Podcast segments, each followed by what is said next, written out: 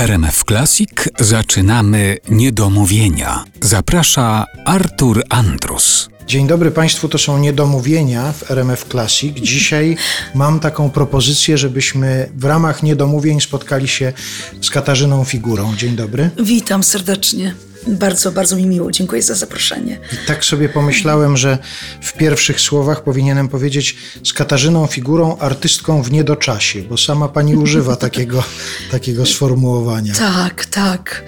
Nie wiem, czy artystka w niedoczasie, czy w ogóle mm, osoba. Ja jestem w permanentnym niedoczasie i to dotyka no, wszystkich sfer mojego życia. Czy tej artystycznej? Hmm. To znaczy, no, zdarza mi się spóźniać na próby, to prawda, ale w konsekwencji, no, w tym, co robię artystycznie, to myślę, że Że w czasie. no, mam po prostu dużo na głowie. No, ale zastanawiałem się, że znaleźliśmy się przecież w takim czasie, że wydawało się, że wszystkich nas to spowolniło. I ta stop klatka, szczerze mówiąc, coraz bardziej ją zaczynam doceniać. Pracuję nad pozbyciem się lęku, możliwość, nie wiem, jakiegoś wejścia bardziej w, w siebie, skupienia.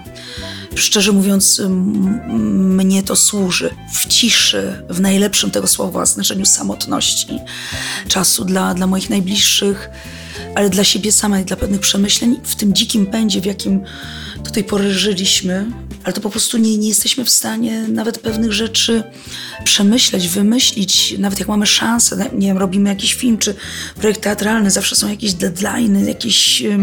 człowiek się po prostu spieszy. No, pewnie będziemy musieli wszyscy wyciągnąć z tego jakieś wnioski, nauczyć się inaczej żyć. A wcześniej miała Pani taką umiejętność na przykład, żeby sobie powiedzieć, no dobra, to ja teraz przez rok nic nie robię, czy jednak ten pęd był czymś takim codziennym, towarzyszącym i wręcz wymuszającym pracę? takie zawieszenie w pracy, ale ono nie zostało zrealizowane, ale pojawiło się taka chęć, potrzeba.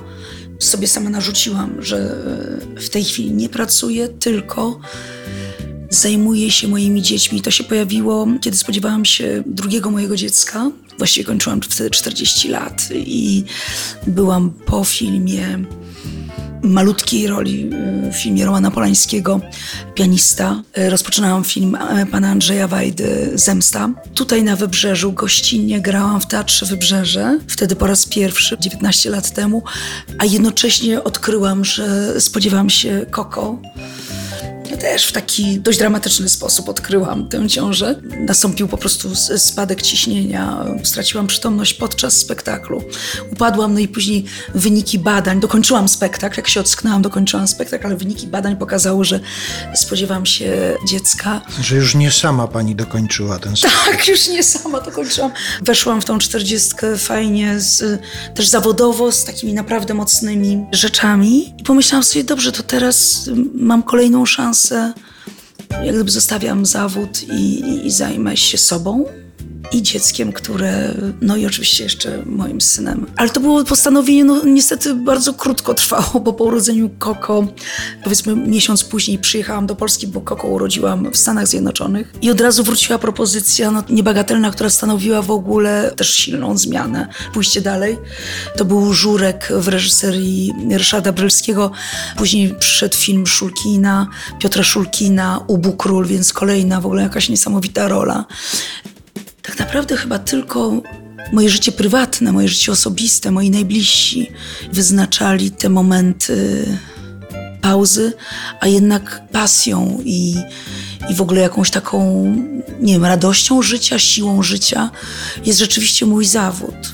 To chyba jest taki zawód, że tutaj człowiek nigdy nie może być tak naprawdę panem swojego życia w tym zawodzie, no bo te propozycje pojawiają się w takich momentach, że nie można sobie tego zaplanować. Chyba nigdy. Tak, chyba nie można sobie zaplanować i robiłam sobie oczywiście, jak byłam bardzo młoda, no to jednak robiłam sobie jakieś takie plany, czy też bardziej, może nawet bym to określiła jakimiś afirmacjami, wizualizacjami bardziej.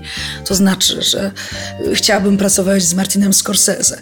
No to sobie cały czas jeszcze robię. Do tej pory to nie nastąpiło, ale kto wie.